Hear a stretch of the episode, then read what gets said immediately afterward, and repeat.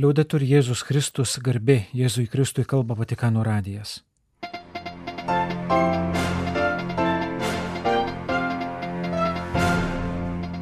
Malonus klausytojai šioje programoje.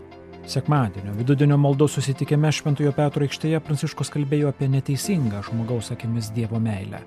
Priminė migrantų dieną, meldė už Ukrainą, priminė ekumeninę vigiliją už sinodą. Apžvelgėme Pranciškaus homiliją pasakytą Marselyje ir keletą praėjusių savaitės įvykių bei straipsnių Lietuvoje.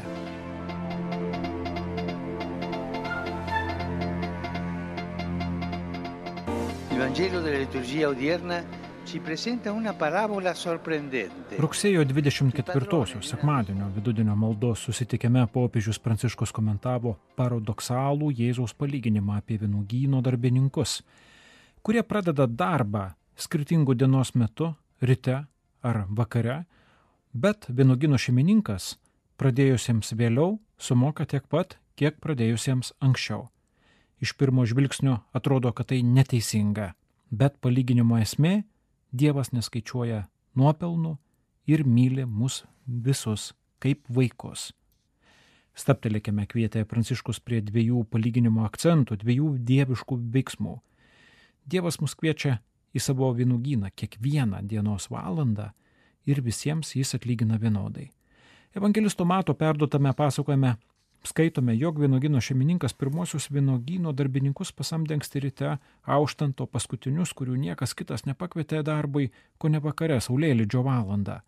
Palyginime atsiskleidžia, kad darbuojasi ne vien žmonės, bet ir pats Dievas, kuris nenuilstamai eina ieškoti darbininkų. Jis nelaukia, kol jie patys pasieteis, netikrina kiekvieno sugebėjimo arba nuopelnų ir nepasiduoda tada, kai vėluojame atsiliepti. Dievas pirmasis ėmėsi iniciatyvos ir Jėzus išėjo mūsų ieškoti, kad parodytų savo meilę. Ir ieško mūsų, kaip vienoje homilijoje tvirtino šventasis Grigalius didysis, kiekvieną dienos arba mūsų gyvenimo valandą, nuo mūsų jaunystės iki senatvės. Jėzaus širdžiai niekada nėra per vėlu, jis visada mūsų laukia. Ir būtent todėl, kad Dievo širdis yra tokia plati, jis visiems atsilygina vienodai, tokiu pačiu atlygiu, savo meilę. Štai gilioji palyginimo prasme. Vėliausiai ir anksčiausiai pakviestiems darbininkams sumokama tiek pat, nes Dievo teisingumas pranoksta žmogiškąjį.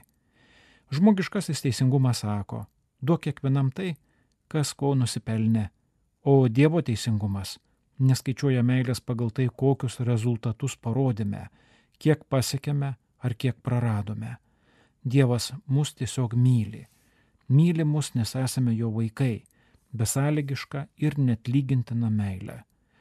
Broliai ir seserys kartais rizikuojame su Dievu mėgsti komercinius santykius, labiau pasikliaudami savo jėgomis nei jo malonės dusnumo, pažymėjo Pranciškus. Panašiai ir bažnyčios bendruomenė vietoj to, kad išeitų kiekvieną dienos valandą visų apkabinti, gali jaustis pranašesnė, teisti esančius toliau ir pamiršti, kad Dievas ir juos myli tokia pačia meilė kaip ir mus. Taip pat ir žmogiškuosiuose ryšiuose, iš kurių sudarytas visuomenės audinys, mūsų žmogiškumas dažnai remiasi apskaičiavimais. Duodame atgal tiek, kiek gavome, nedrįsdami padaryti nieko daugiau, nedrįsdami rizikuoti ir lažintis dėl net lygintinai padaryto gėrio, dėl dosniai siūlomos meilės vaisių. Paklauskime savęs. Ar aš, krikščionis, krikščionė, moku eiti pas kitus? Ar esu dusnus visiems, ar moku suprasti ir atleisti daugiau nei priklauso, kaip moku Jėzus?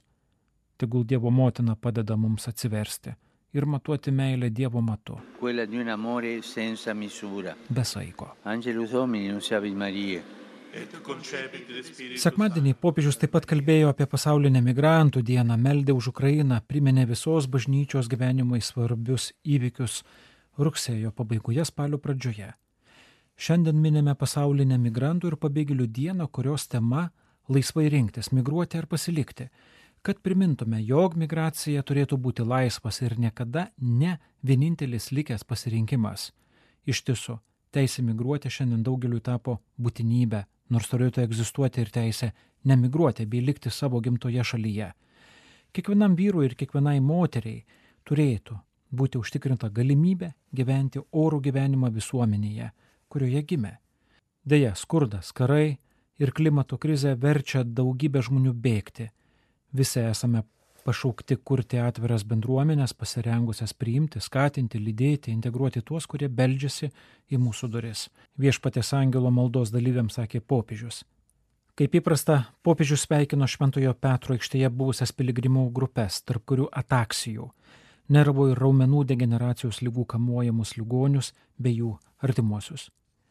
Prieš atsisveikindamas ir palinkėdamas skanių pietų, Pranciškus kaip visada prašė nepamiršti Ukrainos, melstis už šią taip kenčiančią šalį ir paminėjo ateinančiomis dienomis Vatikane vyksiančius svarbius bažnytinio gyvenimo įvykius. Dar kartą kviečiu dalyvauti ekumeninėje maldos vigilijoje pavadintoje Together kartu, kuri vyks šeštadienį rugsėjo 30-ąją Šventojo Petro aikštėje renginti spalio ketvirtąją prasidėsiančiam sinodiniam susitikimui.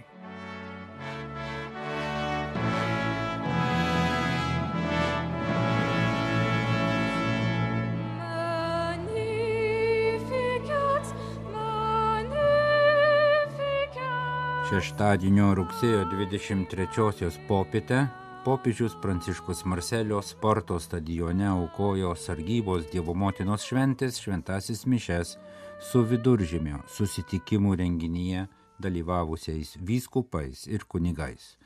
Šių mišių liturgijoje Evangelijos skaitinys yra pasakojimas iš Luko Evangelijos apie Marijos apsilankymą pas Elsbietą o vietoj psalmis posmų gėdama Marijos gesmė mano siela šlovina viešpati iš tos pačios Luko Evangelijos.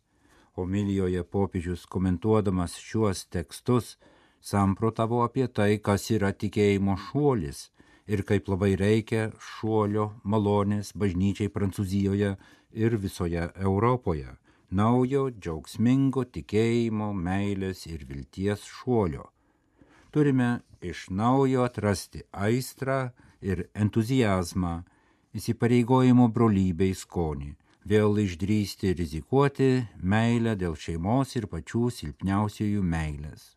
Ir Evangelijoje iš naujo atrasti malonę, kuri perkeistų gyvenimą ir vėl jį padarytų gražų, sakė popiežius. Anot Pranciškaus, Tikėjimo patirtis visų pirma sužadina gyvenimo žavesi, vidinį virpesi, pojūti, jog kažkas širdyje sujudėjo. Priešingai nei šaltoje širdyje. Plokščia šalta širdis gyvenimą tempia mechaniškai, be aistros, užsidėgymo ar noro. Mūsų europietiška visuomenė, tęsė homilijoje popiežius, gali visu tuo susirgti - cinizmu, nusivylimu, rezignacija, netikrumu, bendro liūdėsio jausmu, liūdnomis aistromis, gyvenimu be sukretimo. Nuoširdžiai paklauskime savęs, ar tikime, kad Dievas veikia mūsų gyvenime. Nematomai, o kartais nelauktai veikia istorijoje atlieka žavingus dalykus, veikia mūsų visuomenėse paženklintose pasaulietinio sekularizmo ir savotiško religinio abejingumo, klausė Pranciškus pažymėdamas, kad yra būdas patikrinti, ar pasitikime viešpačiu. Pagal Luko Evangeliją Vos tik Elsbieta išgirdo Marijos sveikinimą, jos iščiose šoktelėjo kūdikis. Kas tiki, meldžiasi, priima viešpati, tęsė Pranciškus. Tas šokteli dvasioje, pajunta viduje, kad kažkas persivertė, šokteli iš džiaugsmo, užsidega norų, pirmų asmenių daryti, įgyvendinti svajonę, žino, kad viešpats pašaukia ir kviečia paliudyti Evangeliją, kad su nuolankumu pagal gautas malonės ir charizmas kurtume naują pasaulį. Tikėjimo patirtis sukelia žavėjimąsi ne tik gyvenimu, bet ir artimu. Pagal Luko Evangelijos pasakojimą matome, kad Dievo apsilankimas įvyksta ne per sukrečiančias kosminės apraiškas, o per paprastą dviejų moterų, Marijos ir Elsbietos susitikimą. Pranciškus ragino mokytis iš Jėzaus, kaip atjausti gyvenimo naštos prislėgtus ir išvargintus žmonės, šoktelėti gailestingumu sutikto sužeisto kūno akivaizdoje. Baigdamas mišių homilyje, Pranciškus ragino, būkime krikščionys, susitinkantys Dievą maldoje ir brolius meilėje. Būkime šoktelėjančiais, gyvais krikščionimis, priimančiais dvasios ugnį, kad mus sudegintų nūdienos klausimai, viduržėmio jūros regiono iššūkiai, vargstančiųjų šauksmas, šventosios brolybės ir taikos utopijos, kurios laukia įgyvendinimo.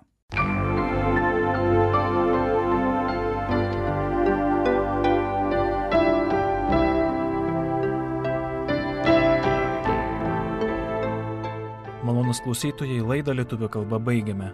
Kalba Vatikano radijas. Garbė Jėzui Kristui, liaudai turi Jėzus Kristus.